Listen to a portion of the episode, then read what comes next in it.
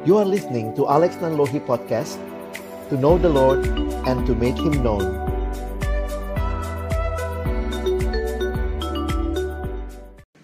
Yuk kita baca sama-sama Mazmur 145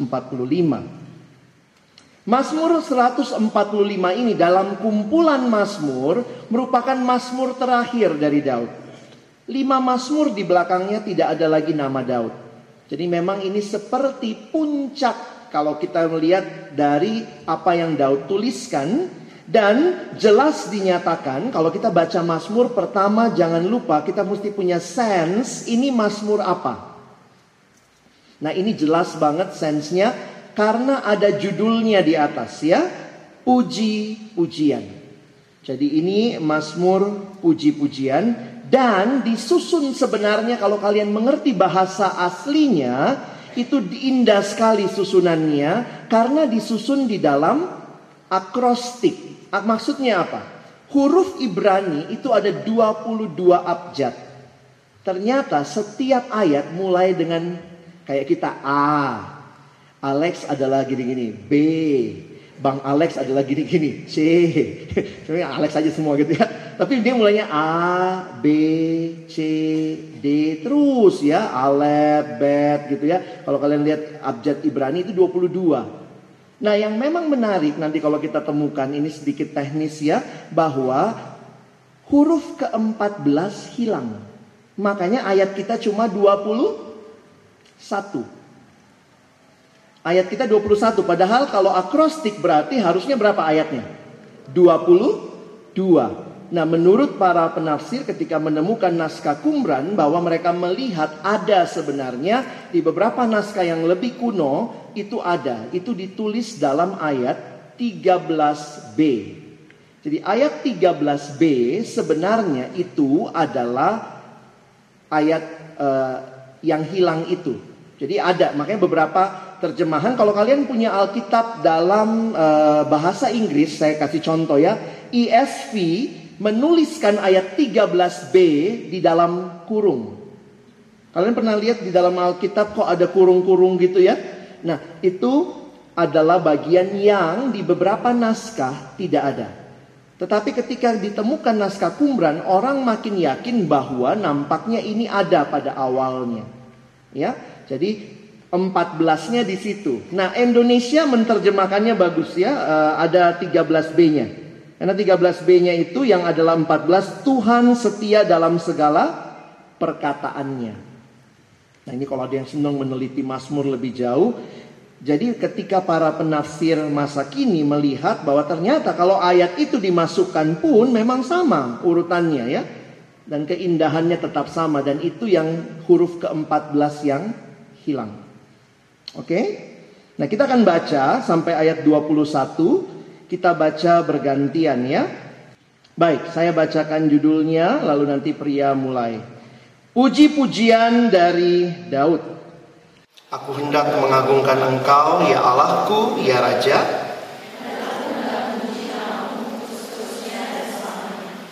Setiap hari aku hendak memuji Engkau.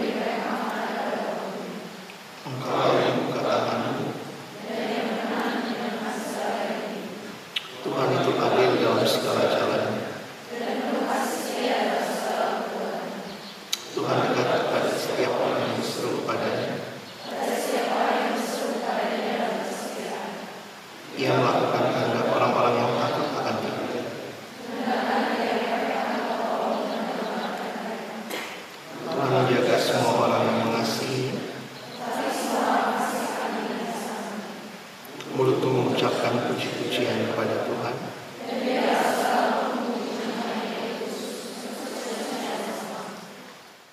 Saudara yang dikasihi Tuhan, kalau kita melihat Mazmur ini sungguh sebuah ungkapan pujian dari Daud kepada Allah. Kalau benar Daud pada waktu itu sudah jadi raja waktu menulis Mazmur ini dan nampaknya benar, Daud sebagai raja semakin mengagumkan bagi saya ketika dia menyatakan pujian kepada Tuhan. Saya coba bagikan sedikit maksudnya kalau kalian nanti satu waktu misalnya mau membaca merenungkan Mazmur, perhatikan bagaimana kata-kata yang digunakan. Karena apa? Ini puisi ya. Ini puisi. Misalnya kayak kemarin uh, orang goblok itu apa aja? Nama lainnya? Orang fasik orang bebal orang apa. Nah itu kan cara pemazmur menyampaikan uh, persamaannya begitu ya. Nah perhatikan karena ini mazmur pujian nah ini contoh PA-nya gitu ya saya sih coba Misalnya gitu. Salah satu ciri Mazmur yang luar biasa ini, pemazmur menggunakan begitu banyak kata yang berbeda untuk memuji. Nah, coba teman-teman nanti lihat ini yang saya garis bawahi warna merah begitu ya. Jadi biasanya kalau saya PA ya gitu lingkar-lingkarin begitu ya. Yang hijau itu tentang Allah, yang merah itu mengagungkan, memuji namamu. Ini contoh aja ya. Memuji, memuliakan, memegahkan, memberitakan, kunyanyikan, diumumkan, kuceritakan, dimasyurkan, bersorak-sorai. Nah, ini baru sampai ayat uh, 7 itu ya. Kalau kalian lihat lagi ke bawah ada beberapa lagi yang masih muncul di situ. Nah, menarik sekali melihat bagaimana satu komitmen yang luar biasa, satu pujian yang seolah-olah mengalir begitu rupa dari mulut pemazmur dari mulutnya Daud. Siapa Allah yang muncul di sini dan bagaimana karakternya begitu ya? Kalau saya coba teman-teman lihat lagi ya, saya tulisnya begini. Allahnya itu yang saya lingkari warna warna hijau. Ya Allahku, ya Raja. Lalu kemudian perhatikan apa karakternya. Nah, ini bicara nama. Nama menyatakan pribadi. Lalu lihat lagi yang saya lingkari kuning ya tentang Allah. Digambarkan dia besar, kebesarannya, pekerjaan-pekerjaanmu, keperkasaanmu. Nah, itu semua gambaran tentang Allah. Kemuliaanmu yang agung seperti kita nyanyi tadi. Perbuatan-perbuatanmu yang ajaib. Kekuatan perbuatan-perbuatanmu yang dahsyat. Ini mirip kayak yang kemarin Bang Niko kasih contoh ya kadang-kadang ada eskalasi tuh makin lama makin naik gitu. Kata yang sama diulang dikasih penekanan ditambahin begitu rupa ya. Ini kalau kayak muji Tuhan tuh saya pikir kayak misalnya kita suka bercanda kan di PMK gitu ya. Naik lagi. Naik. Oh udah, udah, naik lagi. Sampai orang udah ah gitu ya. Naik lagi gitu. Itu lagu Batak juga bisa digituin ya. Alusiau naik gitu ya. Tarik lagi. Saya lihat, waduh ini kayak, wow, kita diperhadapkan dengan Allah yang begitu besar. Yang begitu luar biasa. Peringatan kepada besarnya kebajikanmu, keadilanmu. Jadi memang kalau kita mau renungkan mungkin uh, biar pas gitu ya selama tiga minggu satu hari satu ayat gitu ya. 14 ayat, uh, sorry 20, 22 ayat ya plus bonus satu hari. Ini puji-pujian yang menyatakan kepada kita tentang Allah, karakternya. Dan ada dua hal menarik yang saya mau kita perhatikan. Tentu tidak bisa kita bahas detail semuanya. Yang pertama adalah Allah digambarkan sebagai raja. Nah, dua hal ini yang saya akan sampaikan. Allah sebagai raja, God as king, dan yang kedua nanti God as the provider, bukan provider HP ya. Tuhan sebagai pemelihara, penyedia, dan itu yang kita akan lihat. Dua hal ini yang saya rindu, engkau dan saya miliki pengharapan di dalamnya, dan kita pulang dengan satu keyakinan. Our God is a king, the king, And He is also the provider for His people. Dari mana ayatnya? Kita lihat yang pertama dulu. Di dalam Mazmur 145 ini ayat yang pertama dikatakan, Aku hendak mengagungkan engkau ya Raja, ya Allahku, ya Raja. Kita baca ayat 13-nya, satu dua ya. Kerajaanmu ialah kerajaan segala abad, dan pemerintahanmu tetap melampaui segala keturunan. Tuhan setia dalam segala perkataannya dan penuh kasih setia dalam segala perbuatannya. Saudara yang dikasihi Tuhan perhatikan baik-baik bahwa Allah kita adalah Allah yang besar dan luar biasa. Pemerintahannya melampaui segala abad. Dan bagi saya yang menarik, Daud sang raja sadar itu. Wah ini menarik nih. Gak gampang raja ngakuin ada raja lain. Benar nggak? Masih ingat peristiwa reaksinya Raja Herodes waktu Kristus katanya lahir kan Majus datang tuh. Kami mencari di mana raja yang baru dilahirkan itu. Wow, langsung dikatakan di Alkitab. Maka terkejutlah Herodes beserta seluruh Yerusalem. Itu kalau film film kartun itu satu kota keangkat. Cetek gitu kaget ya. Saya senang nonton film kartun tuh, ekspresinya bisa begitu tuh. Kaget semua. Sampai-sampai Herodes mengatakan, "No, there should be no other king." Bunuh semua anak di bawah usia dua tahun. Ngeri banget. Saya kutip kalimat Timothy Keller ya. Only one person can sit on the absolute throne. Waktu kita nyanyi lagu-lagu seperti Jesus, we enthrone you, we proclaim you are King, standing here in the midst of us. We lift you up with our praise. And as we worship, build a throne. Jadi kita mengagungkan Allah. Tidak mudah teman-teman. Waktu saya merenungkan tadi pagi, saya ingat lagi Tuhan Gak mudah mengakui bahwa kita nothing. Banyak dari kita senang kalau kita jadi something. But before the throne of our God, before Him, actually we are nothing. Jangan pernah sombong. Ini sulit ya. Setiap kita punya kesombongan. Ngomongnya sih gampang ya, jangan sombong. Tapi mungkin habis kita melakukan sesuatu kita sombongnya luar biasa. Hebat banget gue tadi ya. Gila ya. Emang kamu gila mungkin. kita bisa begitu loh. Itu sangat-sangat dekat dengan hidup kita. Kenapa? Kita nggak mau sebenarnya ada raja lain di hidup kita. Di dalam dosa I am everything. Tetapi kita harus belajar turun tahta. Teman-teman, keyakinan Daud sang raja. Sang raja dalam sebuah generasi bisa mengatakan, "Ya Tuhan, rajaku, kerajaanmu berabad-abad." Daud membandingkan dirinya, "Oh, nothing, I am nothing." Yang paling lama memerintah saat ini adalah Ratu Elizabeth dari Inggris ya. Luar biasa panjangnya pemerintahan dia, tapi dia pasti mati manusia selalu lupa diri bahwa dirinya bukan Allah. Kau mau pulang dengan pengharapan, jangan berharap pada dirimu. You are nothing. Jangan berharap kepada kompaknya pengurusmu. You are all nothing before the throne of God. Tuhan bisa pakai engkau di generasimu, kekompakan pengurusmu dipakai, kesungguhan hatimu, tapi ingat baik-baik selalu bergantung kepada King of Kings.